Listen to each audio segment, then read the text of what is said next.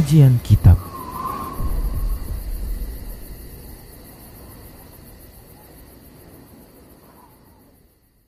Bismillah, Assalamualaikum warahmatullahi wabarakatuh. Innal hamdalillah nahmaduhu wa nasta'inuhu wa nastaghfiruh wa na'udzu billahi min shururi anfusina wa min sayyiati a'malina Man yahdihillah fala mudhillalah wa man yudlilhu fala hadiyalah.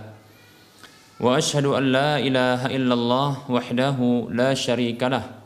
Wa ashhadu anna Muhammadan abduhu wa rasuluhu sallallahu alaihi wasallam. Qala Allahu tabaraka wa ta'ala Ya ayyuhalladhina amanu taqullaha haqqa tuqatihi wa la tamutunna illa wa antum muslimun. يا أيها الناس اتقوا ربكم الذي خلقكم من نفس واحدة وخلق منها زوجها وبث منهما رجالا كثيرا ونساء واتقوا الله الذي تساءلون به والأرحام إن الله كان عليكم رقيبا يا أيها الذين آمنوا اتقوا الله وقولوا قولا سديدا يصلح لكم أعمالكم ويغفر لكم ذنوبكم ومن يطع الله ورسوله فقد فاز فوزا عظيما أما بعد. فإن أصدق الحديث كتاب الله وخير الهدى هدى رسول الله صلى الله عليه وسلم وشر الأمور محدثاتها وكل محدثة بدعة وكل بدعة ضلالة وكل ضلالة في النار. Para pemirsa Rosa TV dan para pendengar Radio Medan Mengaji di mana saja Anda berada rahimani wa rahimakumullah. Alhamdulillah kita bersyukur kepada Allah. Selalu dan senantiasa kita arahkan rasa syukur kita kepadanya kepada zat yang senantiasa berbuat baik kepada kita. Yang kalau kita bersyukur maka Allah subhanahu wa ta'ala akan tambahkan nikmat-nikmat di waktu berikutnya kemudian salawat dan salam kita ucapkan untuk Nabi kita Muhammad sallallahu alaihi wasallam semoga Allah subhanahu wa ta'ala memberikan taufik kepada kita untuk senantiasa berada di atas petunjuk Rasulnya. Para hamba Allah rahimani wa rahimakumullah, kita akan lanjutkan pembahasan kitab Minhajul Muslim dalam bab akidah dan kita masih membahas tentang iman kepada kitab-kitab Allah Subhanahu wa taala. Dan kali ini kita akan menyebutkan dalil-dalil baik itu dalil wahyu maupun dalil akal Baik para hamba Allah rahimani rahmakumullah, dalil-dalil yang menunjukkan tentang keimanan kepada kitab-kitab Allah Subhanahu wa taala. Berikut ini dalil wahyu. Allah Subhanahu wa taala memerintahkan kepada para hambanya untuk beriman kepada kitab-kitab. Berdasarkan firman Allah Subhanahu wa taala di dalam surah An-Nisa ayat 136 Allah mengatakan a'udzu billahi minasyaitonir rajim Ya ayyuhalladzina amanu aminu billahi wa rasulihi wal kitabil ladzi nazzala ala rasulihi wal kitabil ladzi anzala min qabl.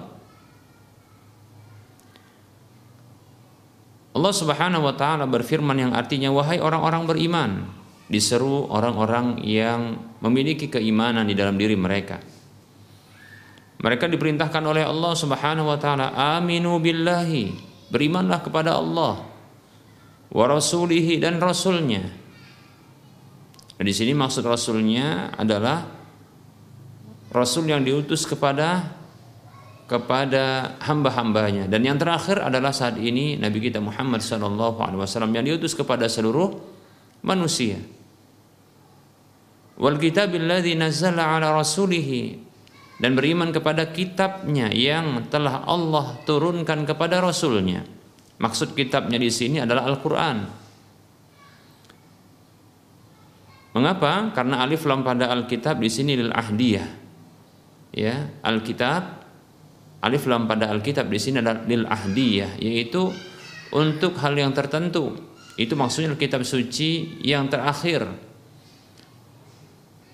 Ini indikasi yang pertama, ya yaitu Al-Quran. Kemudian yang kedua, indikasi yang kedua menunjukkan ini maksudnya adalah Al-Qur'an yang diturunkan kepada Nabi Muhammad wasallam ya. Allah menggunakan kalimat nazzala ya nazzala. Nazzala yunazzilu tanzilan tanzil. Yaitu Allah menurunkan tapi dengan bentuk bertahap mufarraqan yaitu Allah Subhanahu wa taala menurunkan kitab suci tersebut dengan ya metode bertahap-tahap. Demikian ya. Dan kitab suci yang diturunkan oleh Allah Subhanahu wa taala secara bertahap-tahap hanyalah Al-Qur'an hanyalah Al-Quran. Demikian. Walaupun perlu kita ketahui bahwasanya Al-Quran itu memiliki dua kali bentuk turunnya sebagaimana yang dikabarkan oleh Ibnu Abbas radhiyallahu anhuma dalam hadis yang sahih asar yang sahih dari beliau radhiyallahu anhuma bahwasanya Al-Qur'an memiliki dua bentuk turun. Yang pertama adalah turunnya jumlatan wahidatan, turunnya sekaligus turun. Ya. Dan itu turunnya adalah di malam Lailatul Qadar. Berdasarkan firman Allah Subhanahu wa taala di antaranya adalah surah Al-Baqarah. Kalau tidak salah ayat 187 Allah mengatakan a'udzu billahi minasyaitonir rajim. Syahrul Ramadan alladzi unzila fihi al-Qur'anu hudan lin-nasi wa bayyinatin minal huda wal furqan bulan Ramadan yang unzila fihi al-Quran syahrul Ramadan syahrul Ramadan syahrul Ramadan alladhi unzila ini adalah bentuk ya sighah mabni majhul. Unzila. Yang aslinya adalah anzala demikian. Syahrul Ramadan alladhi bulan Ramadan yang unzila diturunkan. Fihi Al-Quran diturunkan di dalamnya Al-Quran. Hudal linnas sebagai petunjuk bagi manusia. Wabayyinati minal huda dan penjelasan-penjelasan dari petunjuk tersebut. Wal furqan dan sebagai pembeda. Allah menyebutkan dengan unzila diturunkan. Dan itu ya maksud dari unzila ay inzal ya wahidan.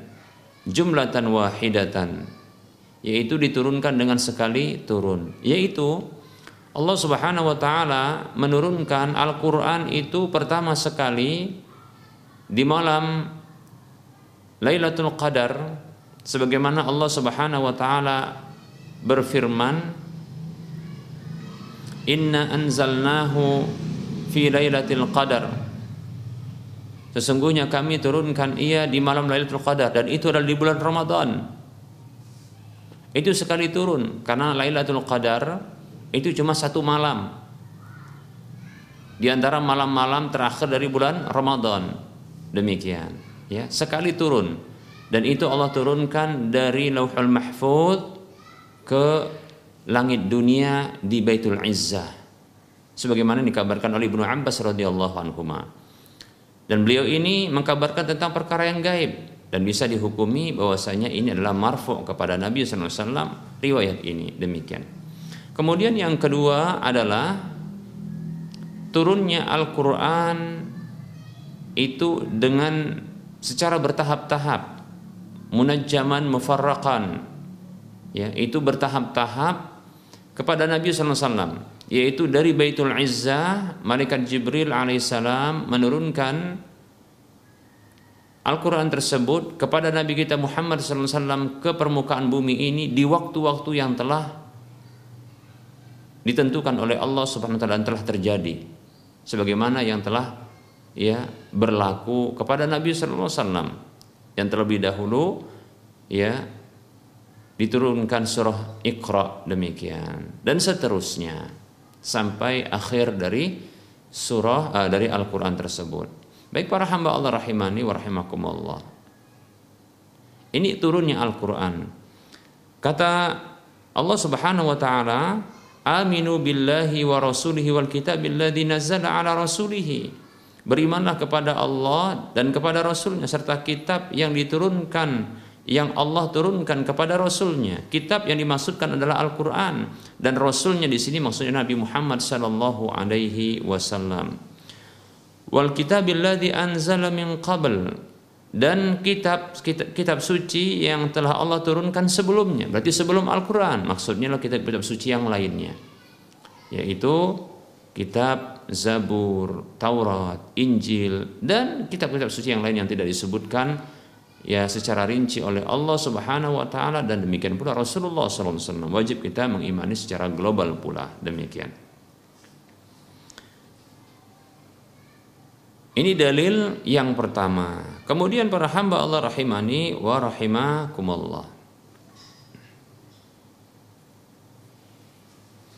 Allah Subhanahu wa taala berfirman di dalam surah Ali Imran Berikutnya di dalam surah Ali Imran ayat 2 sampai 4 Allah Subhanahu wa taala mengatakan a'udzu billahi minasyaitonir rajim Huwal hayyul qayyum. Nazzala 'alaikal kitaba bil haqqi musaddiqan lima baina yadayhi wa anzala at-taurata wal injil. Min qablu hudal lin-nasi wa anzala al-furqan.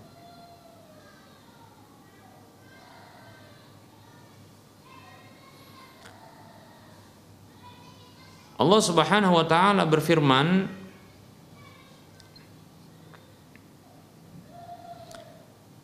Di dalam surah Ali Imran ayat 2 sampai 4 Allah mengatakan yang artinya Allah yang tidak ada sesembahan yang berhak disembah kecuali Dia, zat yang maha hidup lagi berdiri sendiri. Dialah yang telah menurunkan kepadamu yaitu kepada Rasulullah sebagai rasul yang mendapatkan wahyu Al-Qur'an ini Dialah zat yang menurunkan kepadamu Alkitab yaitu Al-Quran bil haqq yang membawa kebenaran musaddiqan lima baina yadayhi yang membenarkan ya dalam uh, dalam kondisi membenarkan kitab-kitab suci sebelumnya. Kemudian Allah mengucapkan wa anzalat Taurata wal Injil dan Allah menurunkan At-Taurat dan Injil. Perhatikan di sini untuk kitab suci Al-Qur'an Allah menggunakan kalimat nazzala yaitu Allah turunkan secara berangsur-angsur atau bertahap-tahap. Adapun untuk Taurat dan Injil Allah Subhanahu wa taala menggunakan kata anzala yaitu turun. Karena mana anzal, anzala yaitu anzala yunzilu inzalan. Maksudnya adalah inzal ya bijumlatin wahidatin yaitu menurun e, turun itu dengan sekali turun sekaligus. Demikian. Demikian seperti itu ya Nah, dari sini kita bisa dapatkan perbedaan antara Al-Quran, kitab suci Al-Quran dengan kitab suci sebelum Al-Quran. Al-Quran itu mengalami dua kali turun dan yang paling populer adalah ya turunnya secara bertahap-tahap ya kepada Nabi SAW yang dibawa turun oleh malaikat Jibril alaihissalam. Adapun kitab-kitab suci yang lain sebelum Al-Quran maka diturunkan sekali turun ya sekali turun kepada nabi. Nabi atau rasul yang Allah telah ya tetapkan untuk diturunkan kepada para rasul tersebut. Min qablu hudal linnasi wa anzal al furqan. Sebelum sebelumnya dan Allah menurunkan ya Taurat dan Injil sebelumnya sebagai petunjuk bagi manusia. Dan wa anzal al furqan dan Allah menurunkan al furqan maksudnya ya kalau tidak salah ini maksudnya adalah ya zabur ya.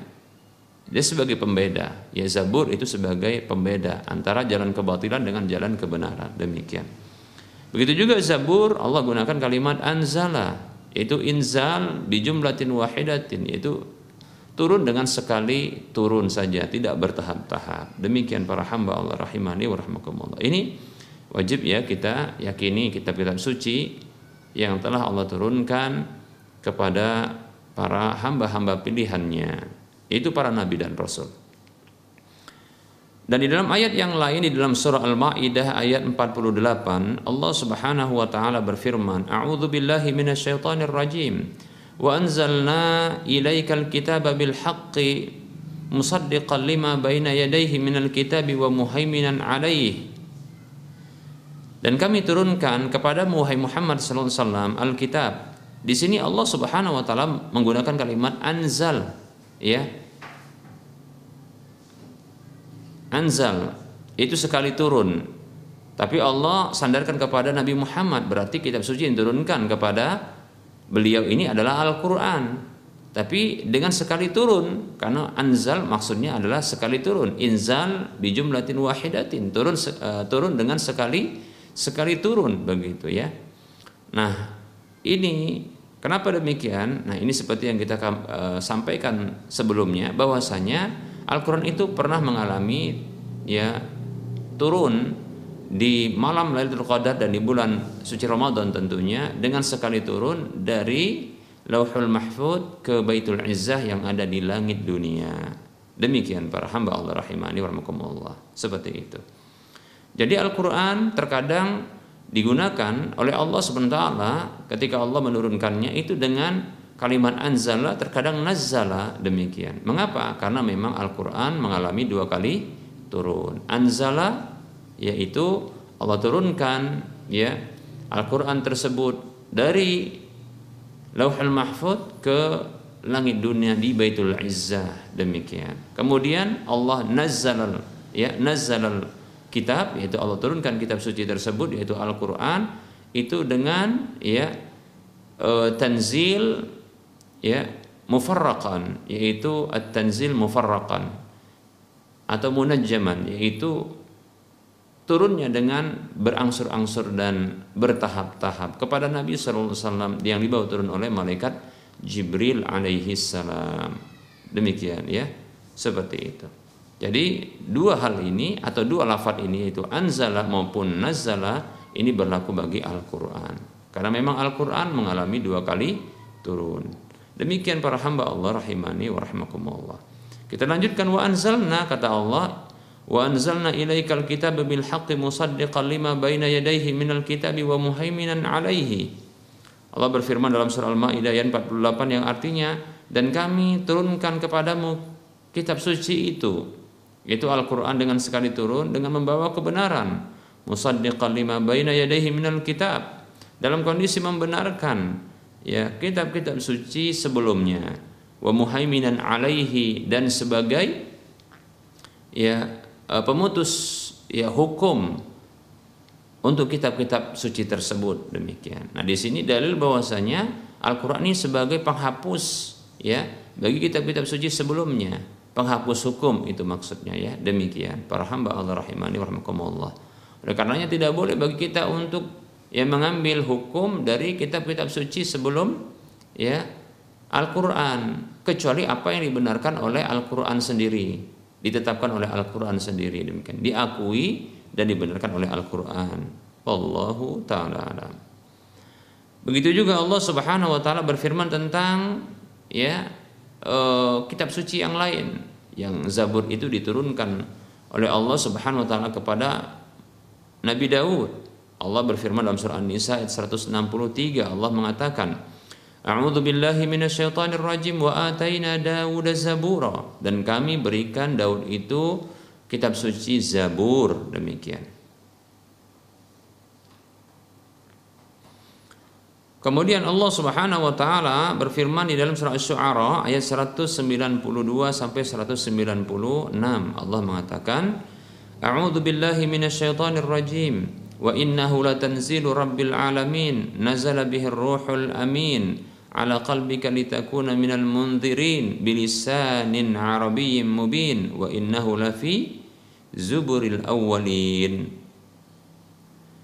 Allah berfirman yang artinya dan sesungguhnya ia yaitu kitab suci Al-Quran itu benar-benar turun dari Rabbul Alamin. Turunnya berangsur-angsur ya.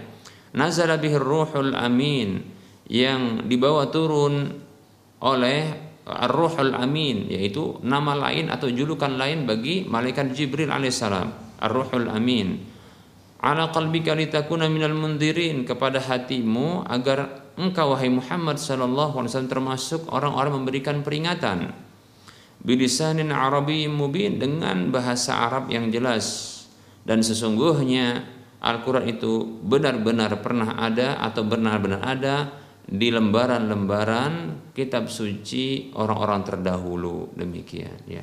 Jadi Al-Qur'an itu pernah disebutkan ya, ada disebutkan dalam kitab-kitab suci ya terdahulu. Demikian. Bahwasanya Allah akan menurunkan kitab suci ya untuk nabi akhir zaman, umat akhir zaman. Demikian. Para hamba Allah rahimani wa rahimakumullah. Begitu juga Allah Subhanahu wa taala berfirman dalam surah Al-A'la ayat 18 dan 19 Allah mengatakan A'udzu billahi minasyaitonir rajim. Inna hadza la fi suhufil ula suhufi Ibrahim wa Musa. Sesungguhnya hal ini benar-benar ada dalam suhuf-suhuf lembaran-lembaran suci yang pertama dahulu yaitu suhufi Ibrahim wa Musa. Lembaran-lembaran suci ya milik Nabi Ibrahim dan Musa yaitu yang diberikan kepada Nabi Ibrahim dan Nabi Musa alaihi wassalam demikian. Maka wajib kita imani ini dalil-dalil dari Al-Qur'an yang menunjukkan bahwa Allah Subhanahu wa taala memang menurunkan kitab-kitab sucinya kepada manusia-manusia pilihan, nabi-nabinya dan rasul-rasulnya. Maka wajib bagi kita untuk mengimani karena Allah telah mengkabarkan hal itu kepada kita bahkan memerintahkannya untuk mengimaninya demikian para hamba Allah rahimani wa rahimakumullah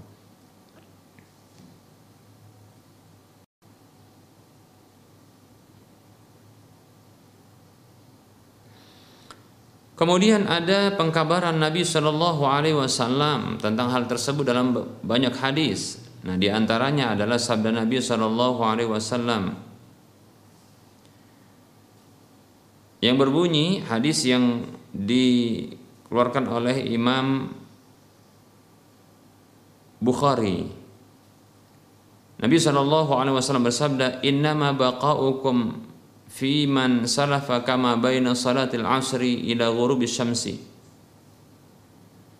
Sesungguhnya tinggalnya kalian ini dibandingkan dengan orang-orang terdahulu sebagaimana antara sholat asar sampai tenggelamnya matahari. Begitu singkatnya kehidupan umat akhir zaman ini dibandingkan umat-umat terdahulu. Begitu kata Nabi yang memberikan permisalan seperti antara ya jarak antara sholat asar dengan maghrib ya yaitu tenggelamnya matahari.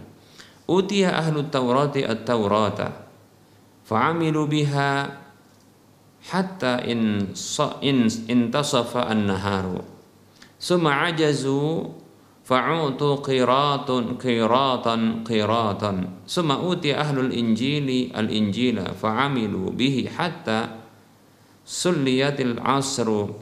Summa ajazu fa'utu qiratan qiratan. Summa utitum al-qur'ana fa'amiltum bihi hatta gharabatis syamsu. Fa'u'titum qira qirataini.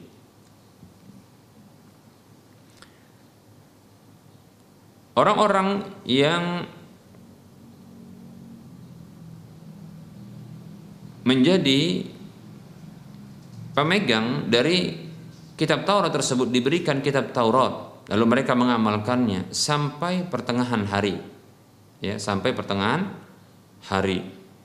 Berarti mereka ini ya, mulai dari pagi itu permisalannya mulai dari pagi sampai pertengahan hari yaitu masuk waktu ya zuhur demikian. Kemudian mereka itu tidak mampu ya sema'ajazu kemudian mereka tidak mampu Lalu mereka diberikan kiratan kiratan yaitu satu kirat satu kirat. Kirat itu adalah ukuran gunung demikian. Yaitu pahala seperti gunung ya.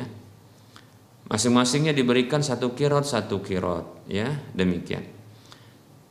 Kemudian diberikan ya ahlul Injil yaitu orang-orang yang berpegang dengan Injil, Injil itu kepada mereka diberikan Injil kepada mereka ya itu umat e, Kristen atau Nasrani.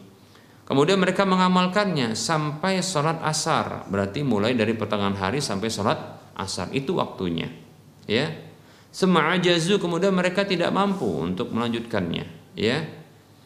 Kemudian fa'utu qiratan qiratan. Ya lalu mereka diberikan masing-masingnya satu kirat satu kirat yaitu ukuran ya satu gunung. Mungkin maksudnya adalah pahala di sini. Demikian. Kemudian utitumul Quran, lalu kalian diberikan oleh Allah Subhanahu taala Al-Qur'an. Fa'amiltum bihi, lalu kalian pun mengamalkannya. Hatta gharabatis syamsu sampai tenggelam matahari. Itu mulai dari asar sampai tenggelam matahari. Demikian.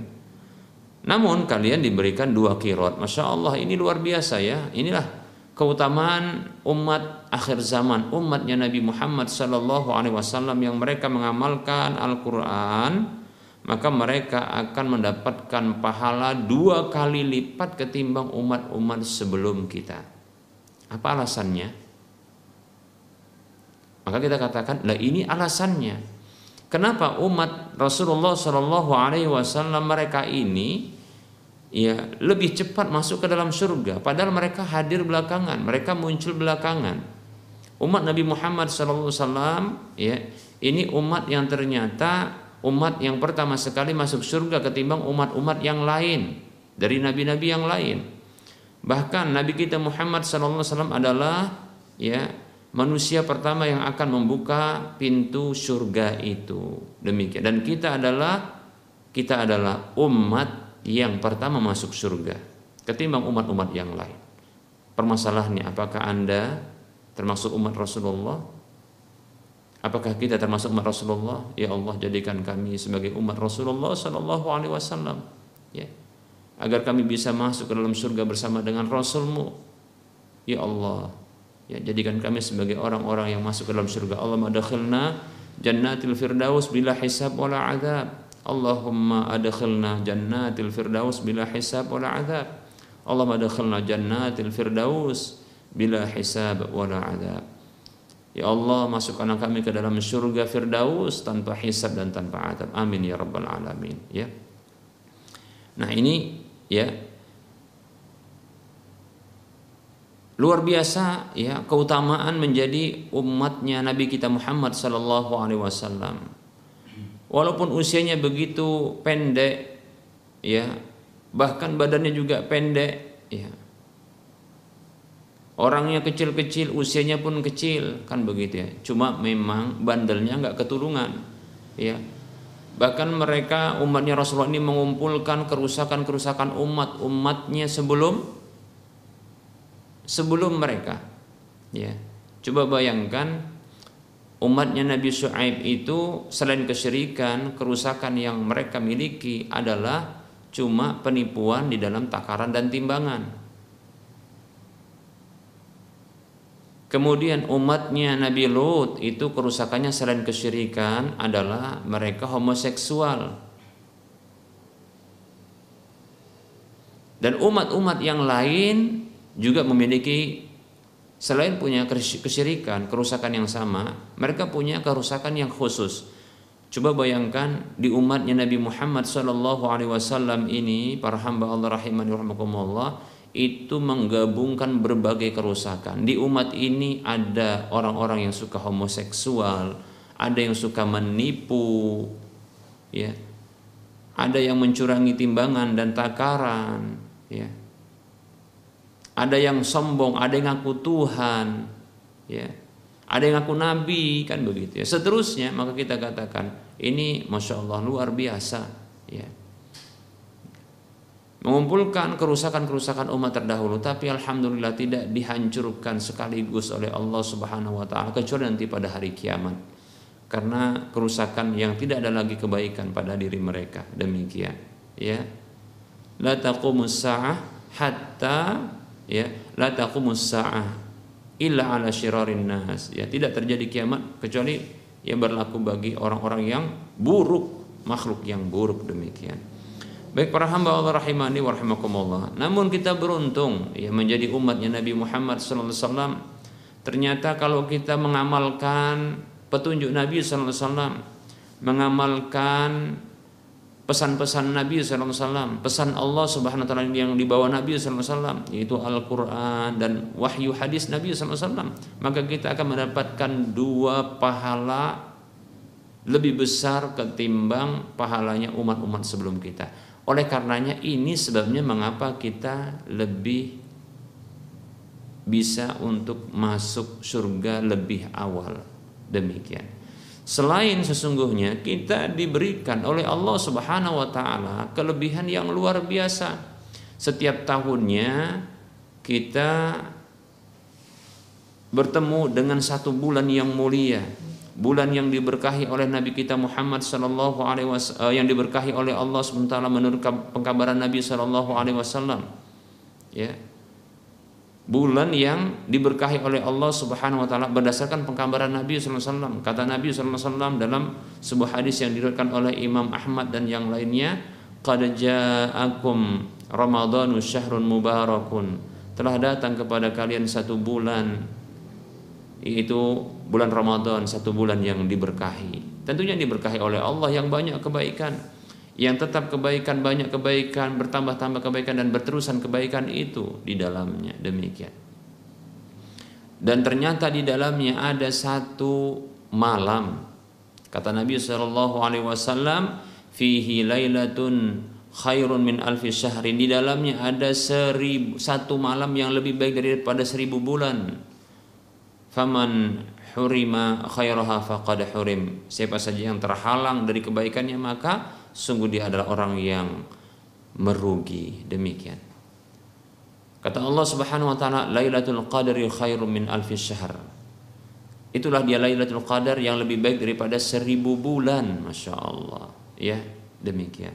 Coba bayangkan kalau kita beramal satu kebaikan saja di bulan di malam tersebut ya seperti membaca Al-Quran satu huruf saja yang kata kata Rasulullah itu kebaikannya. Itu wal hasanatu bi asri amsalihha bi asri amsalihha satu kebaikan itu ya itu sepuluh ya.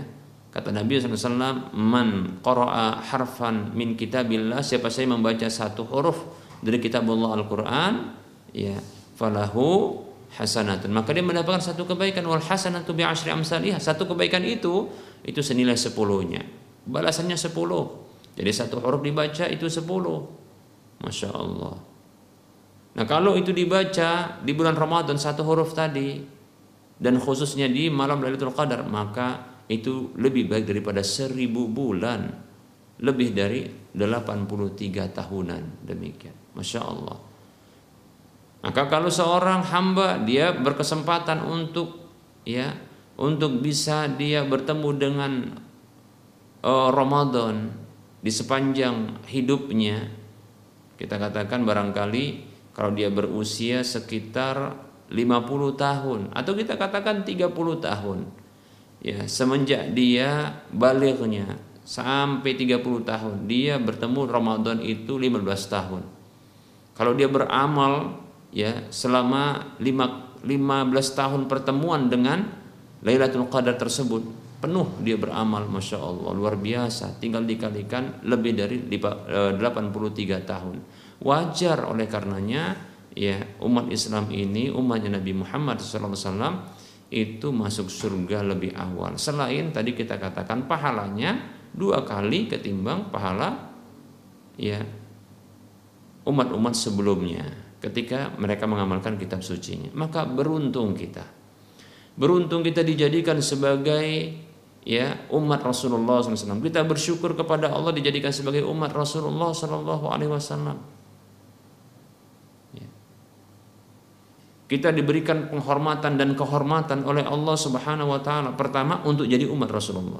Yang kedua ya untuk masuk surga lebih awal ketimbang ya umat-umat yang lain. Kemudian kita bisa bertemu dengan Lailatul Qadar setiap tahunnya insya Allah taala. Dan pahalanya yang luar biasa yang disediakan oleh Allah. Lebih baik daripada seribu bulan. Kemudian kalau kita beramal mengamalkan Al-Quran dan itu juga kehormatan bagi kita. Kita ternyata diberikan kehormatan dengan ya kitab suci Al-Qur'an sebagai petunjuknya. Bukan kitab yang lainnya. Demikian. Kemudian kalau kita mengamalkannya kita dapat pahala dua kali lipat ketimbang pahala ya orang-orang atau umat-umat sebelum kita. Masya Allah. Alhamdulillah. Ya.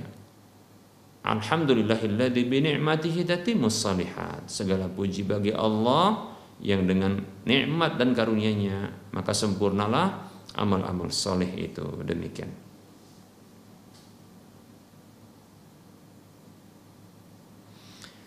Perhatikan kita lanjutkan ya faqala ahlul kitabi maka ahlul kitab mereka itu berkata dalam kondisi iri ya mereka itu iri dengan umat Islam. Aqallu minna amalan wa aksaru ajron mereka itu lebih sedikit amalnya ketimbang kita namun lebih banyak pahalanya.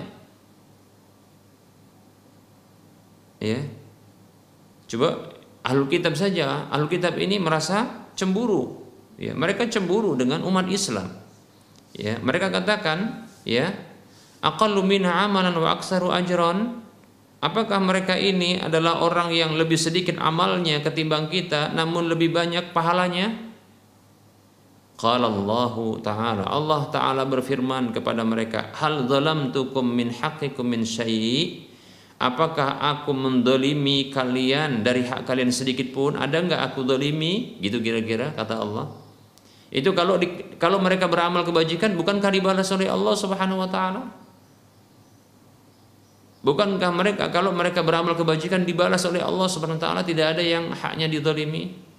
Qalula mereka mengatakan tidak. Enggak ada kezalimannya. Anda uh, engkau tidak mendolimi kami ya Allah gitu kira-kira jawabannya ya. Qala huwa fadli utihi man asya'u. Itu adalah karuniaku yang aku telah berikan kepada siapa saja yang aku kehendaki. Masya Allah. Kita ternyata dijadikan sebagai Allah Subhanahu wa taala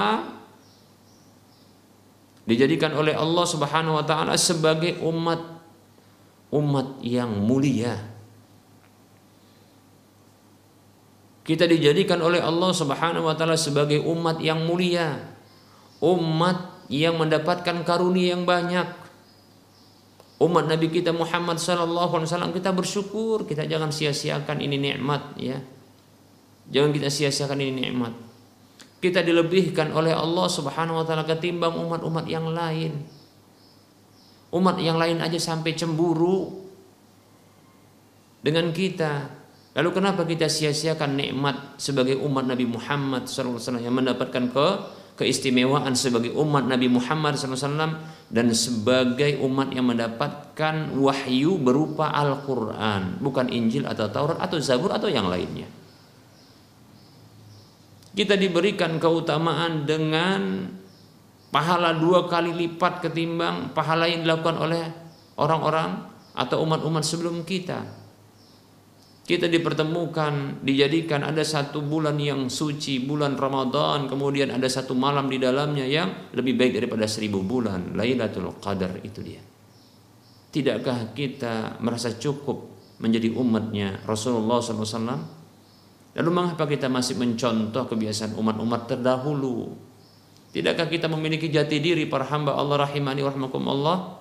Tidakkah kita menjadi, tidakkah kita merasa bangga untuk menjadi jati diri kita sendiri sebagai umat Nabi kita Muhammad sallallahu alaihi wasallam yang telah dimuliakan di atas seluruh umat-umat yang ada dengan dijadikan sebagai umatnya Nabi yang mulia. Dengan diberikan kitab suci yang paling mulia paling sempurna yang dijaga dari kekurangan dijaga dari perubahan dan tangan-tangan jahat. Yang dimuliakan oleh Allah Subhanahu wa taala dengan pahala dua kali lipat ketimbang pahala yang dilakukan oleh orang-orang ya, pahala dari amal-amal saleh yang dilakukan oleh orang-orang sebelum kita. Yang kita banyak sekali diberikan keistimewaan oleh Allah yang kita kalau kita gali Masya Allah ini menjadi kajian tersendiri. Sudah cukup, maka kita katakan sudah cukup. Ya, kita harus bersyukur kepada Allah Subhanahu wa taala. Ya, dan berbangga dengan Islam, berbangga dengan agamanya Rasulullah sallallahu alaihi wasallam, berbangga dengan kitab suci kita Al-Qur'an, berbangga dengan Nabi kita Muhammad SAW sebagai panutan kita demikian sudah cukup jangan kita meniru kebiasaan orang-orang sebelum kita yang mereka lebih rendah ketimbang kita. Yang kita lebih di, lebih utama diutamakan oleh Allah Subhanahu wa taala ketimbang mereka. Lalu mengapa kita menurunkan derajat kita? ya dengan mengikuti kebiasaan-kebiasaan mereka. Ya. Baik para hamba Allah rahimani rahimakumullah. Maka berpikir cerdaslah bertindak cerdaslah. Ya baik para hamba Allah rahimani rahimakumullah. Ini hadis yang diriwayatkan oleh Imam Bukhari. Baik kita akan lanjutkan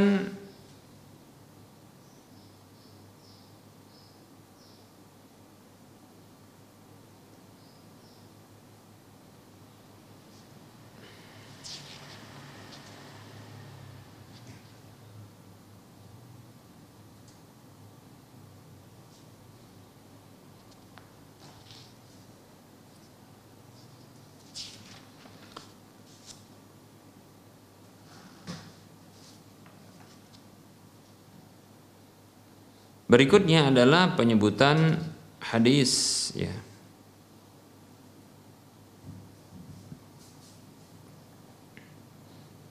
Hadis yang juga dikeluarkan oleh Imam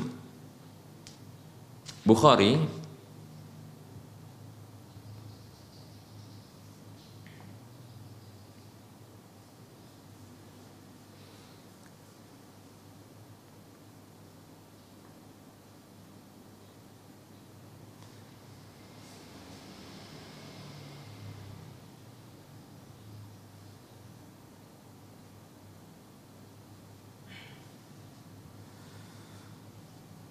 Rasulullah SAW bersabda khuffifa ala Dawud alaihissalam Al-Quran ay al-qira'ata al-qira'atu fakana ya'muru bidawabihi fatusraju fayaqra'u.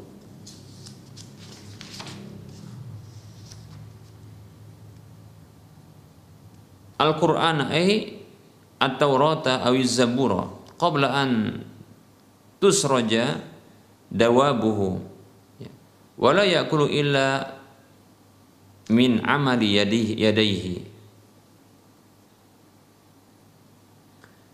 Kata Nabi Shallallahu Alaihi Wasallam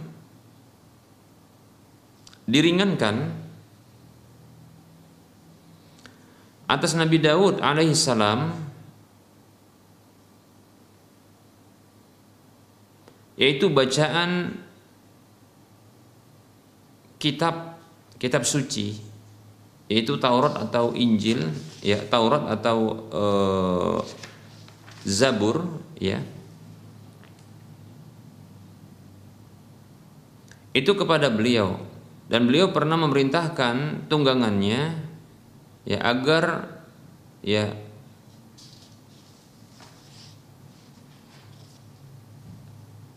diletakkan pada tunggangan tersebut yaitu cahaya ya. Yaitu sesuatu yang diletakkan pada punggung tunggangan tersebut ya.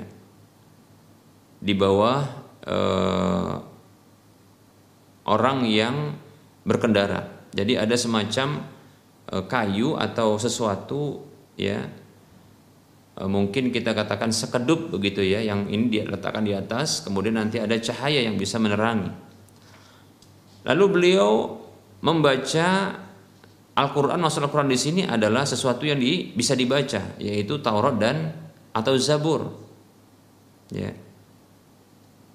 Sebelum hewan tersebut tunggangannya itu dikasih penerangan. Dan beliau tidaklah makan ya kecuali dari hasil kerja tangan beliau sendiri. Demikian. Hadisnya riwayat Bukhari. Nah, di sini ada pengkabaran dari Nabi Shallallahu Alaihi Wasallam tentang ya kitab suci yang diturunkan kepada Nabi Daud ya yaitu Al-Qur'an yang disebut Al-Qur'an di sini maksudnya bukanlah Al-Qur'an seperti Al-Qur'an kita, tapi Al-Qur'an maksudnya adalah Al-Makru yang dibaca. Karena Al-Qur'an ini secara bahasa maksudnya, yaitu adalah Zabur atau Taurat, Zabur atau Taurat, yaitu kitab suci yang diturunkan kepada beliau. Demikian, yang bisa dibaca juga. Demikian, ya dan beliau membacanya itu dengan penerangan ketika di malam hari ya. Dan beliau termasuk orang yang bekerja ya itu dengan hasil karya sendiri dan beliau tidak meminta-minta. Demikian para hamba Allah rahimani wa rahimakumullah.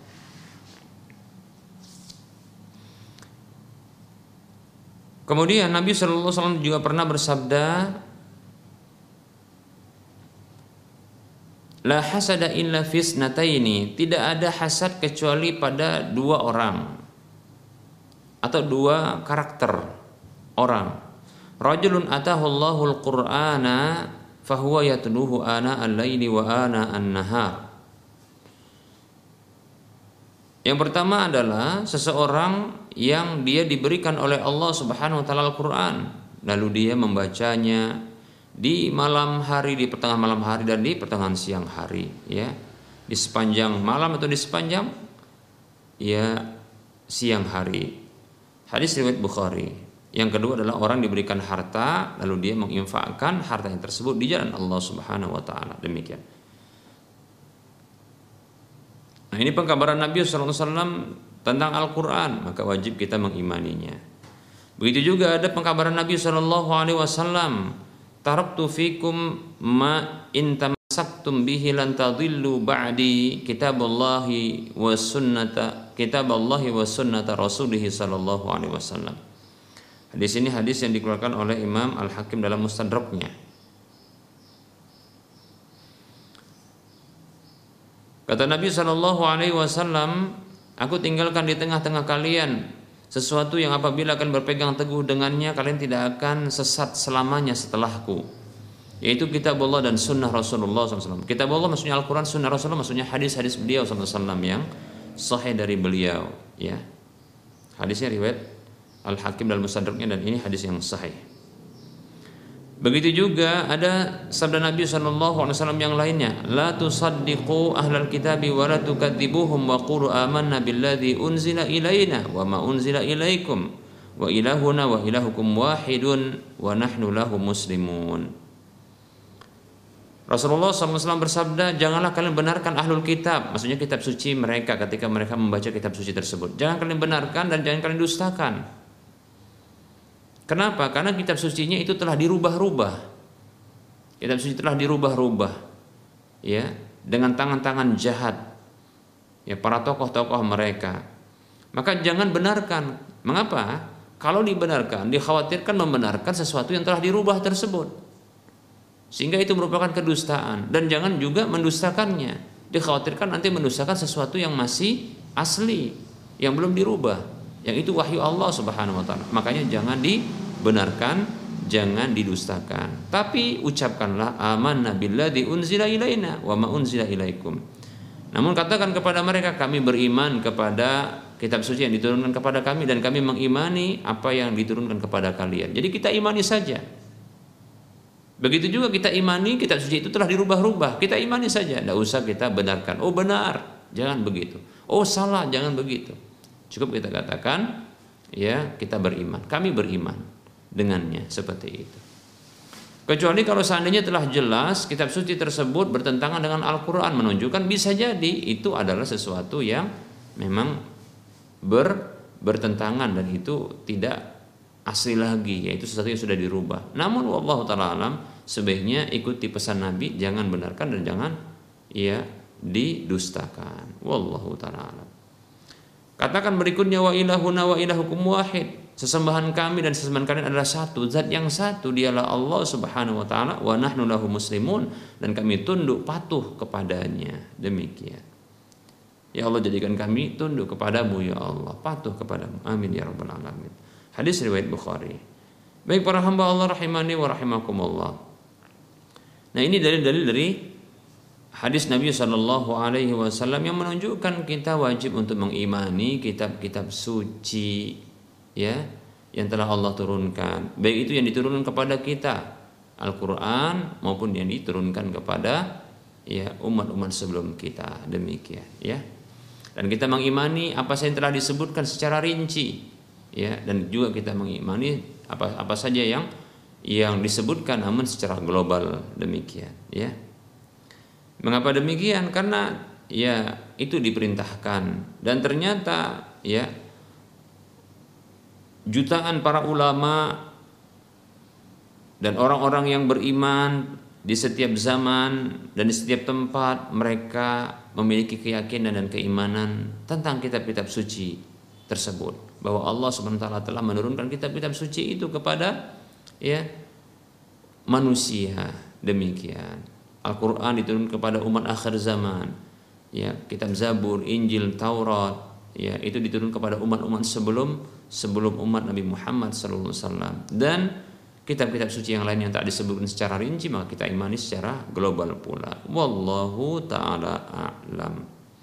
Dan tentunya kitab-kitab suci itu diturunkan oleh Allah Subhanahu wa taala sebagai panduan ya sebagai aturan, sebagai petunjuk, sebagai pembeda demikian ya. Sebagai bimbingan bagi manusia menuju kebahagiaan mereka dalam kehidupan dunia mereka dan akhirat mereka. Wallahu taala a'lam.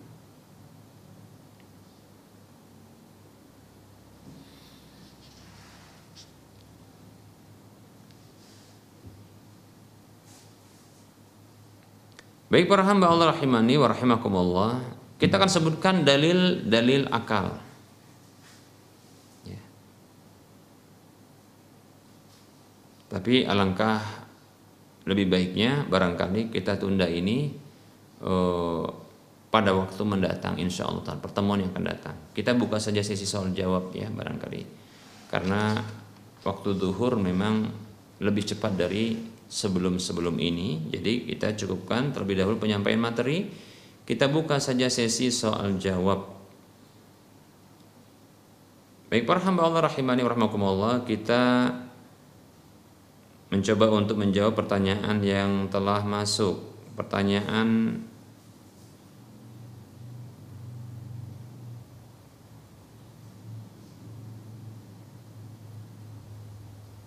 pertama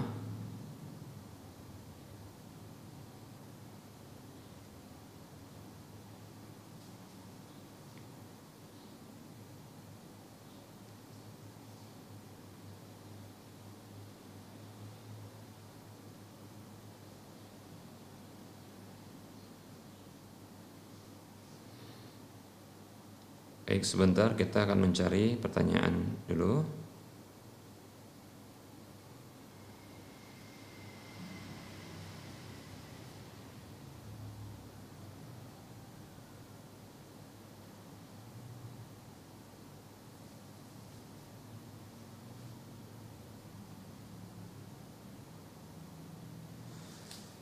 Baik.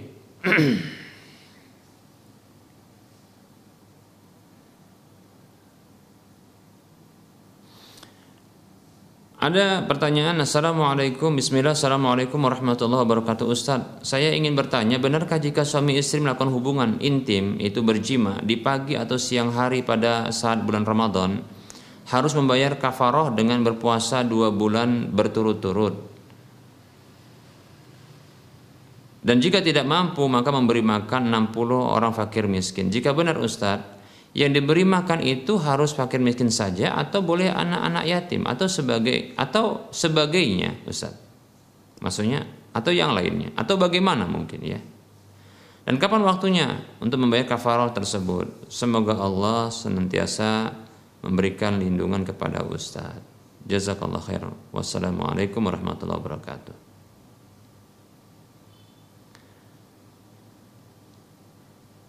Bismillah Waalaikumsalam warahmatullahi wabarakatuh. Semoga juga Allah memberikan hidayahnya, taufiknya kepada kita untuk bisa senantiasa mentaatinya dan semoga Allah SWT senantiasa menjaga kita dalam kebaikan. Wa anta fajazakallahu khaira. Berhubungan badan di siang hari Ramadan atau dalam kondisi berpuasa di bulan Ramadan ini merupakan dosa besar ya karena merupakan bentuk membatalkan puasa. Ya membatalkan puasa. Kita tahu bahwasanya uh, ada hadis yang barangkali ini pernah kita sampaikan. Hadis yang dikeluarkan oleh Imam Ibnu Khuzaimah ya. Begitu juga Ibnu Hibban ya. Dan ini hadis yang disahkan oleh Syekh Al-Albani rahimahullahu taala tentang hukuman bagi orang yang mereka membatalkan puasa sebelum waktu berbuka puasa. Demikian. Yaitu Rasulullah SAW itu pernah mimpi mengatakan demikian Baina ana naim tatkala saya sedang tidur id atani tiba-tiba ada dua malaikat yang datang menemuiku lalu membawa pergi aku lalu ternyata ya beliau SAW dibawa pergi sampai kepada tanjakan yang tinggi Rasul diperintahkan untuk naik Rasul mengatakan tidak bisa kata Rasulullah lalu dibawa naik oleh dibantu dibawa naik oleh dua malaikat tersebut lalu Rasulullah mendengar suara lengkingan suara uh, raungan, suara uh, lolongan. Maka Rasul bertanya, suara apa itu? Itu adalah suara penghuni neraka, yaitu orang-orang yang disiksa demikian. Kemudian Rasulullah juga dibawa pergi kemudian sampai Rasulullah melihat orang-orang kaum-kaum yang mereka itu digantung terbalik ya pada kaki-kaki mereka sembari mulut mereka itu dikoyak mulut mereka itu dikoyak dan mengalirkan darah. Rasul bertanya, siapa mereka ini? Maka dijawab kepada Rasulullah SAW. Mereka itu adalah orang-orang yang berbuka itu membatalkan puasa sebelum waktu berbuka puasa mereka. Demikian. Ini bahaya kita katakan ya. Ini dosa besar kita katakan ya demikian. Oleh karenanya bertobat kepada Allah Subhanahu wa taala ya apabila telah melakukan pembatal-pembatal puasa ini tanpa ada alasan yang dibenarkan. Hubungan badan lagi kan seperti itu. Selain ancaman tersebut itu ada e, tebusan yang harus ditebus disebut dengan kafaroh ya kafaroh dan kafaroh ini tidak gugur dengan adanya taubat ya kalau taubat tadi menghapuskan ancaman siksa tersebut maka bertobat kepada Allah kemudian lakukan tebusan berikut ini. Ya, dalam satu hadis yang diriwayatkan oleh Imam Bukhari Muslim, ada seorang laki-laki yang datang kepada Nabi SAW sembari mengatakan, "Ya Rasulullah halaktu." Wahai Rasulullah celaka aku ini. Kata Rasulullah, "Malah ada apa denganmu?" Yang mengatakan, "Ini waqa'tu imraati." Ini waqa'tu alam raati. Sesungguhnya aku telah menyetubuhi istriku wa ana sementara aku puasa gitu ya. Maka Rasulullah SAW mengatakan kepadanya, apakah engkau ada budak yang bisa yang bisa kamu bebaskan? Kata katanya tidak. Kemudian apakah kamu bisa berpuasa dua bulan berturut-turut? Katanya tidak. Kenapa? Ya kak, beberapa hari saja sudah kebobolan ya. Lalu Rasul bertanya kepadanya, apakah engkau mendapati adanya makanan yang bisa engkau berikan makan kepada 60 orang miskin? Ya. Maka dikatakan tidak. Nah, ini ada sebagian ulama yang menyebutkan ini urutan ya urutan di dalam uh, tebusan tersebut ada yang mengatakan tidak silahkan pilih demikian ya kita katakan tentunya untuk budak tidak ada di zaman saat ini sulit kita mendapatkannya begitu juga untuk berpuasa dua bulan berturut-turut ya kita katakan seseorang yang berhubungan badan di siang Ramadan itu karena nggak tahan beberapa hari saja. Nggak nggak sabar nunggu di di mana? Di malam hari. Padahal waktunya singkat sebenarnya ya. Tapi nggak nggak kuat dia apalagi dua bulan berturut-turut demikian ya. Maka terisi satu yaitu memberikan makan 60 orang miskin. Yaitu fakir miskin kasih makan mereka demikian. Seperti itu ya.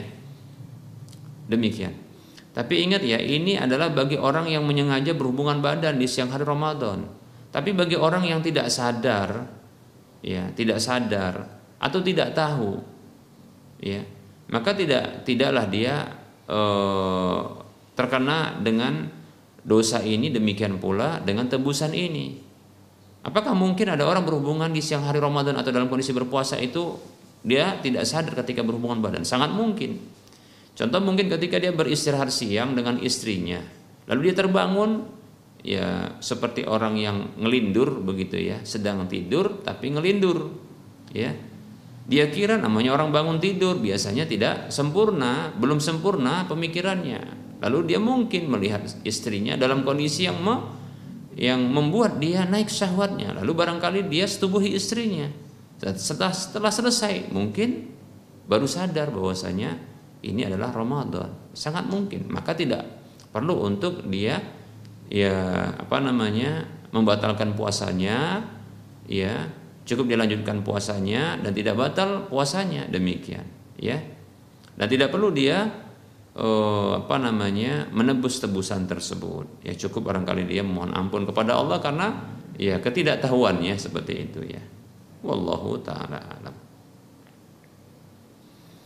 Untuk membayarnya bisa dilakukan ya di esok harinya ketika melakukan itu. Ya paling cepatnya paling tidak ya paling cepatnya di di di malam hari ketika batalnya hari itu dengan hubungan badan tersebut ya. Seperti itu ya. Bisa di malam harinya atau esok. Nah, seperti itu. Atau nanti di luar Ramadan bisa demikian ya. Apakah kepada anak-anak yatim boleh untuk diberikan? Maka kita katakan kalau anak-anak yatim tersebut miskin, iya diberikan. Tapi kalau tidak miskin mereka, apalagi berkecukupan, ya maka jangan berikan. Apalagi anak-anak yatim yang ternyata orang tuanya kaya raya, ya jangan diberikan. Ya. Anak yatim itu tidak mesti miskin karena yatim disebut yatim adalah man mata abuhu man mata abuhu walam yablugh yaitu seseorang yang ayahnya meninggal dunia dalam kondisi dia belum balik. Nah, itulah dia disebut dengan yatim, baik laki atau perempuan. Ya. Tidak mesti dia kaya atau miskin, tidak mesti, ya. Tapi kalau miskin, ya, itulah yang berhak untuk menerima ya pembayaran e, kafaroh ini. Zakat bahkan fidyah juga demikian, ya. Wallahu taala a'lam.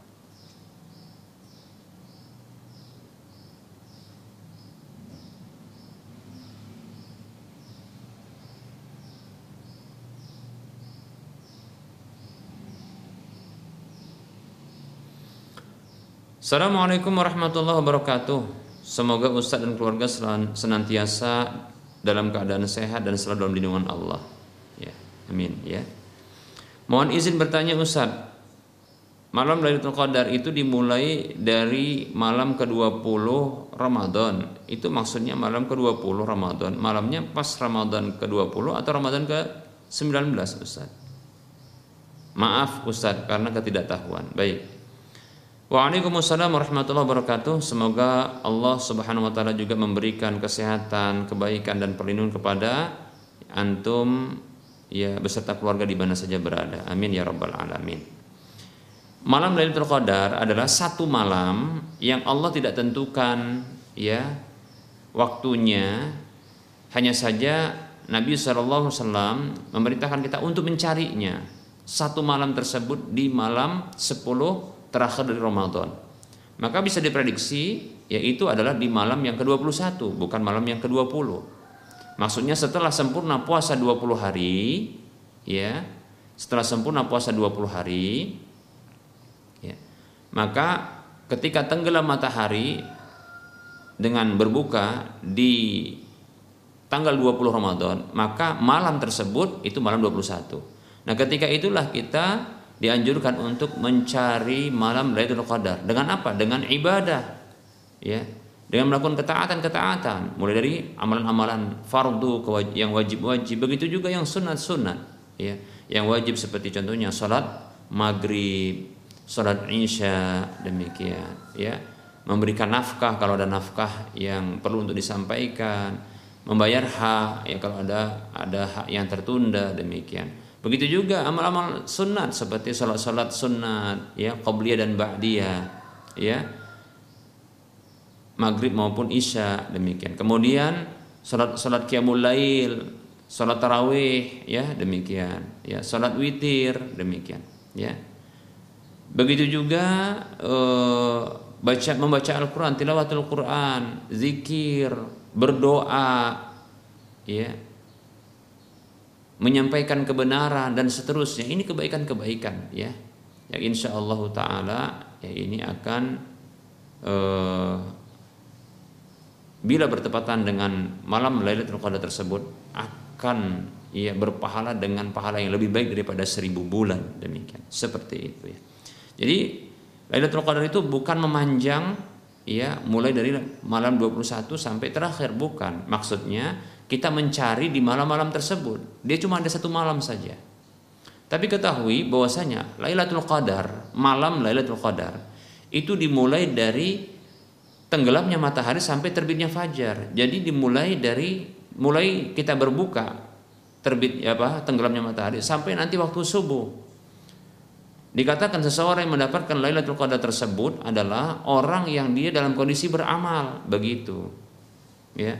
Bukan lantas ketika dikatakan mendapatkan Lailatul Qadar itu itu seperti contohnya ya itu pohon-pohon pada rubuh semuanya sujud katanya ya.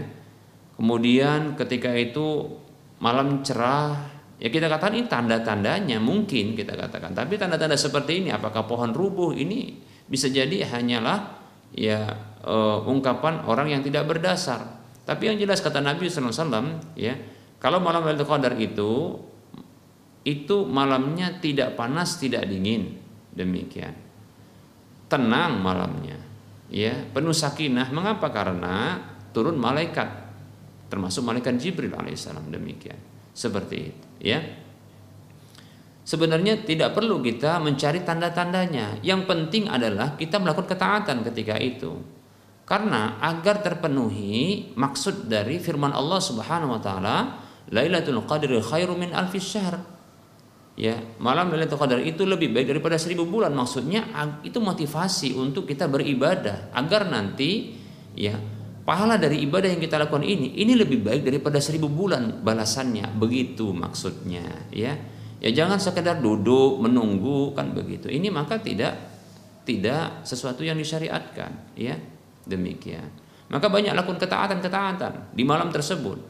Ya mulai dari kita kalau seseorang kita katakan selama sebulan terus dia melakukan ketaatan kepada Allah, maka sungguh dia telah mendapatkan Lailatul Qadar. Itu insya Allah taala. Apabila dia di 10 malam terakhir dia melakukan ketaatan kepada Allah, mulai dari tenggelamnya matahari dia berbuka puasa kemudian dia membaca doa ya kemudian dia sholat berwudu terlebih dahulu. Kemudian dia sholat. Ini amal-amal soleh. Sholat sunat sholat maghrib kemudian ba'diyah maghrib. Kemudian dia bercengkrama dengan keluarganya, ungkapan-ungkapan yang baik. Kemudian dia berjalan atau bergerak menuju masjid untuk melakukan sholat isya.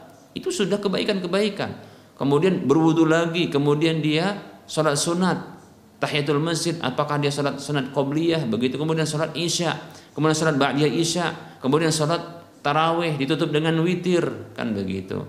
Kemudian menambah dengan zikir, menambah lagi dengan baca Quran, menambah dengan doa, dan seterusnya. Dia hidupkan malam tersebut. Maka andaikan satu saja yang dilakukan, sholat fardu saja maka itu tentunya dia akan dapatkan pahala lebih baik daripada seribu bulan. Begitu. Jadi maksud mendapatkan malam Lailatul Qadar mencari Lailatul Qadar itu adalah dengan amal-amal soleh begitu. Pasti dia akan dapatkan. Orang yang hidup di tempat mana pun insya Allah taala maka dia dapatkan malam Lailatul Qadar.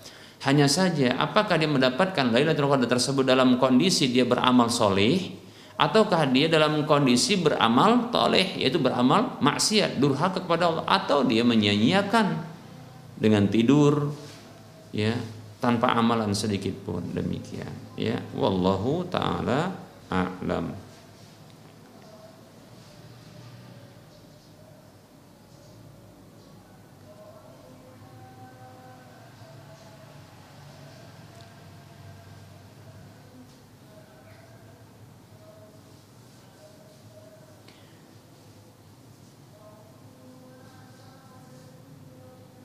Ada pertanyaan, Bismillah Ustaz, apakah bayi dalam kandungan harus dibayar zakat fitrinya? Bismillah, untuk bayi yang masih dalam kandungan, masih janin, maka dia tidak dihitung ya uh, untuk dibayarkan zakatnya. Ini pendapat yang sahih, ya, yang benar, ya. Mengapa? Karena kewajiban ya farada Rasulullah sallallahu alaihi wasallam zakat al-fitri ya sa'an min tamrin atau sa'an min sya'irin. Rasulullah mewajibkan zakat fitri satu sa' dari uh, kurma atau satu sa' dari gandum. Ini adalah maksudnya bahan makanan pokok. Itu Allah uh, Allah wajibkan lewat lisan Rasulullah SAW itu min saghirin au kabirin ya dari anak kecil ataupun orang dewasa ya. Min abdin anil abdi wal hurri an abdin awil hurr ya. An, an abdin an hurrin begitu juga ya dari orang merdeka ataupun orang yang budak hamba sahaya dari anak kecil maupun orang dewasa minal muslimin dari kalangan kaum muslimin. Nah bayi itu tidak dikatakan sahir bayi itu tidak dikatakan sahir ya bayi dalam kandungan itu tidak dikatakan sahir Ya, kecuali kalau bayi yang sudah lahir maka dikatakan sagir. Tapi kalau bayi dalam kandungan disebut dengan janin. Ya, karena sesuatu yang dia tertutup. Ya, demikian. Janin sesuatu yang tertutup di dalam perut masih ya, begitu. Masih berada dalam uh, perut.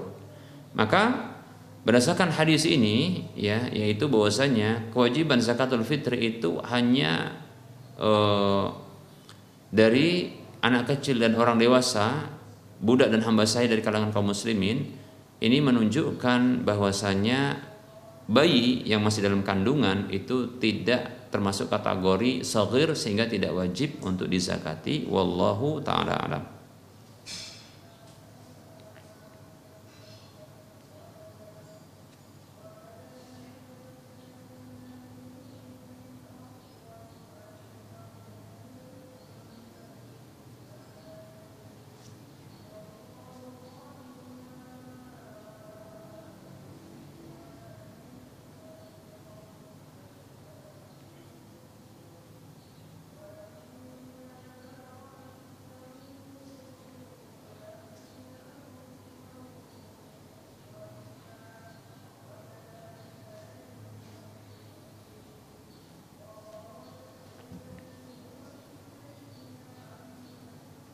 Ada pertanyaan Assalamualaikum warahmatullahi wabarakatuh Maaf Ustaz mengganggu Saya mau bertanya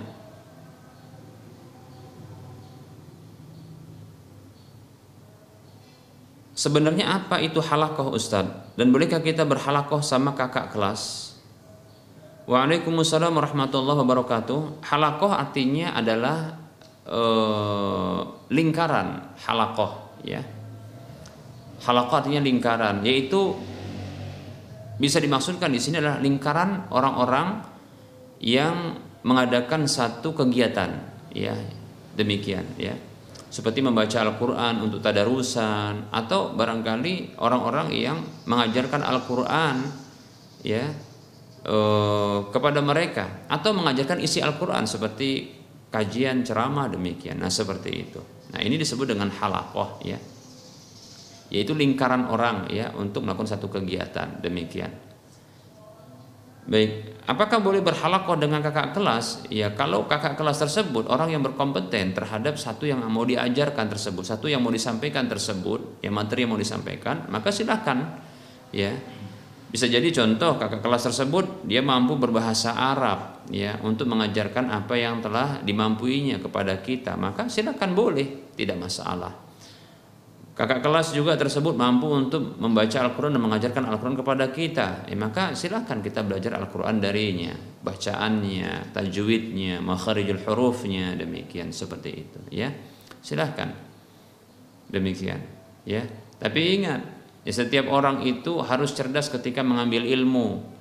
Ya, mengambil ilmu itu harus kepada yang mumpuni betul-betul ahli demikian. Nah kalau seandainya kita ingin mengambil ilmu dari kakak kelas, apa yang dia telah mampui maka contohnya bahasa Arab tadi maka bahasa Arab itu yang kita ambil jangan yang lainnya. Ya seperti itu. Atau pelajaran yang lain pelajaran yang dia mampu contohnya matematika. Kita hanya belajar yang itu saja jangan belajar kedokteran darinya. Barangkali bisa sesat nanti kita. Ya membedah orang pula nanti kan begitu ya. Sementara dia tidak ahli dalam pembedahan karena dia barangkali hanya mampu di matematika. Ya karena jurusannya matematika demikian Nah kalau seandainya kita belajar dengan kakak kelas, jangan dengan kakak kelas, dengan yang jelas-jelas ahli saja, tapi dia spesialis bidang tertentu. Jangan coba-coba kita belajar ya darinya sesuatu yang dia tidak ahli dalam bidang tersebut. Maka ini menyalahi menyalahi ya koridor dalam menuntut ilmu, salah. Bisa sesat kita.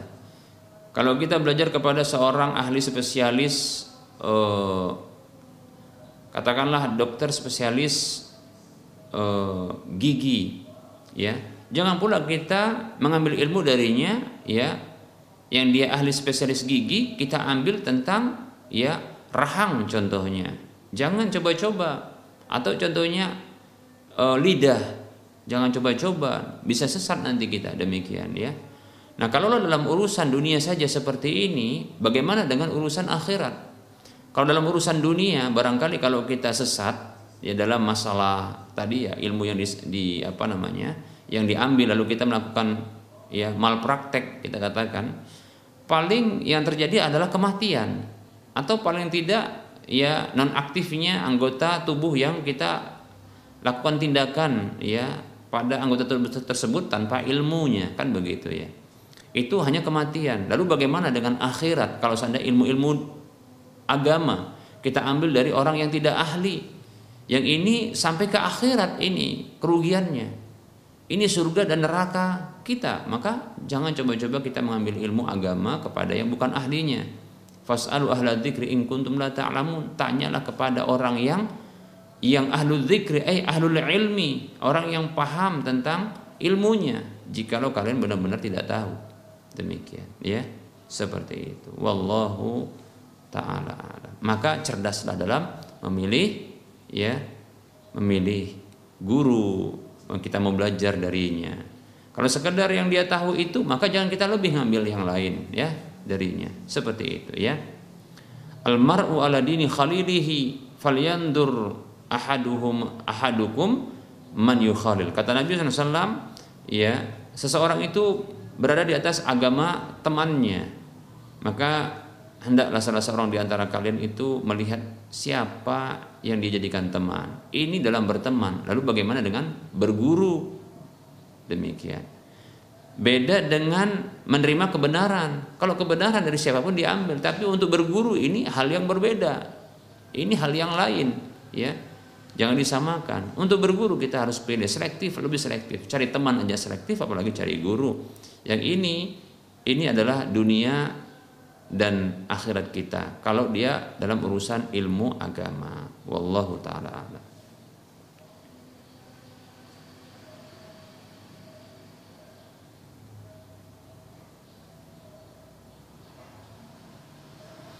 Bismillah, Assalamualaikum warahmatullahi wabarakatuh.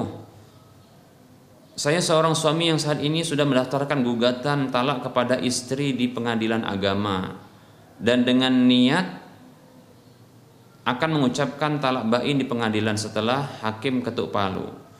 Karena ada kesalahan fatal istri yang jika saya biarkan terus-menerus akan menjerumuskan dia ke dalam neraka. Alhamdulillah istri saya sekarang sudah menyadarinya dan saat ini sudah minta maaf dan berjanji untuk tidak mengulangi lagi.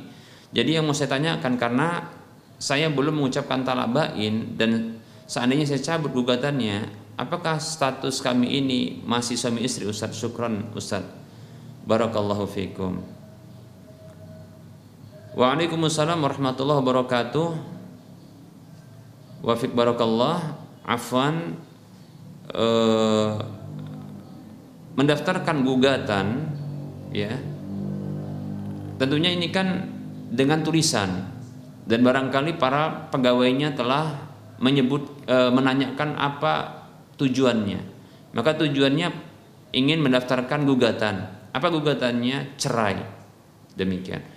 Baik kemudian dicatat gugatan cerai istri. Nah apabila itu niat yang betul-betul adalah ingin menceraikan istri, maka sesuatu yang ditulis tersebut itu terhitung talak menurut pendapat yang kuat. Wallahu taala alam. Jadi ya sesuatu yang telah di, dituliskan ingin meng, me, apa namanya e, me, mentalak istri dan diniatkan talak ya. Maka sesuatu yang dituliskan tersebut itu terhitung talak. Demikian. Ya. Terhitung talak. Tapi kalau contohnya talaknya tersebut maksudnya tulisan tersebut nanti akan saya talak gugatan tersebut berbunyi dengan penyebutan waktu. Yaitu pensyaratan waktu penyebutannya nanti ketika di waktu ada pemanggilan dari e, pengadilan. Ya. Maka berarti ini adalah talak yang disyaratkan dengan waktu ya. Maka saya ulangi ya saya ulangi supaya tidak keliru saya ulangi. Kalau seandainya sesuatu yang ditulis dalam gugatan tersebut ya atau kita katakan gugatan yang dituliskan tersebut kepada pihak pengadilan itu tidak menyebutkan waktu bahkan di saat itu yang menuliskannya dan itu adalah e, gugatan talak ya dan memang niat mentalak maka jatuh saat itu juga namun apabila gugatan talak tersebut yang dituliskan itu itu menyebutkan waktunya tanggalnya seperti contohnya nanti akan disampaikan gugatan talak atau e, pernyataan talak itu di waktu tertentu seperti nanti ketika uh, pengadilan menunjuk uh, sekitar mungkin satu bulan atau setengah bulan lagi atau sepekan lagi. Nah, maka ini disebut dengan talak yang mu'alak yaitu talak lafat yang diberlakukan secara bergantung dengan waktu, dikaitkan dengan waktu.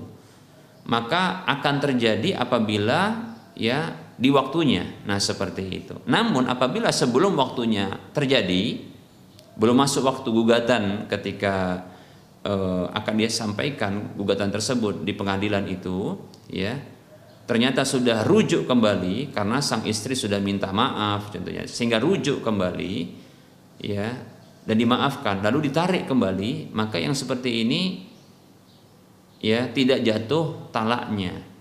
Ya tidak jatuh talaknya. Demikian ya. Nah oh saya condong ya kalau janji untuk mentalak maka ini menurut pendapat yang saya condong kepadanya ini merupakan ya bentuk sumpah ya.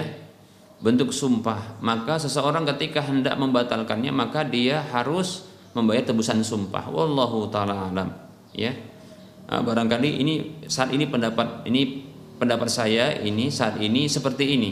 Nanti apabila uh, ada perubahan pendapat karena saya melihat ya mungkin ada pendapat yang lain yang lebih kuat ya. Maka saya akan menarik pendapat ini. Tapi saat ini saya condong kepada pendapat bahwasanya ya seseorang yang menggugatnya menjanji untuk menggugatnya baik itu dalam lisan atau tulisannya ya yang dia mengkaitkan dengan waktu pentalakannya tersebut lalu ternyata dia tidak jadi untuk ya mentalaknya ingin mencabutnya maka ini dianggap seperti seorang itu bersumpah kepada Allah ingin mentalak di waktu tertentu maka hendaknya dia ya mencabutnya ya dengan membatalkan sumpah tersebut dengan menebus sumpahnya ya yaitu dengan cara memilih salah satu di antara ini yaitu ya membebaskan e, memberi makan e, sebentar e, memberi makan 10 orang miskin atau ya memberi pakaian 10 orang miskin atau membebaskan budak. Demikian. Kalau tidak maka puasa tiga hari. Demikian. Ya pilih salah satu. Ya. Mungkin bisa dengan memberi makan 10 orang miskin. Batalkan itu sehingga nanti tidak berlaku demikian ya. Seperti itu. Karena disebutkan di sini gugatan berarti kan gugatan dalam bentuk tertulis, yaitu gugatan itu seperti janji akan menjatuhkan di depan pengadilan ya eh, apa namanya talak tersebut ya. Gugatan talak berarti kan janji ya untuk menjatuhkan talak di hadapan pengadilan di waktu yang sudah ditentukan. Namun ingin dibatalkan karena istri sudah minta maaf dan berjanji untuk tidak mengulangi. Maka saya condong ini adalah sumpah ya kepada Allah Subhanahu wa taala. Ya. Maka janji seperti ini harus dibatalkan ya dengan menebusnya dengan tebusan sumpah ya. Pilih salah satu supaya mudahnya pilih salah satu yaitu memberi makan 10 orang miskin atau memberi pakaian 10 orang miskin atau ya membebaskan budak tidak ada. Kalau tidak mampu maka silahkan ya puasa tiga hari ber, uh, tiga hari demikian. Wallahu taala alam. Nah, ini barangkali yang bisa kita sampaikan. Mohon maaf atas segala kekurangan dan kesalahan. Kebenaran datang dari Allah, kesalahan datang dari saya pribadi dan bisikan syaitan.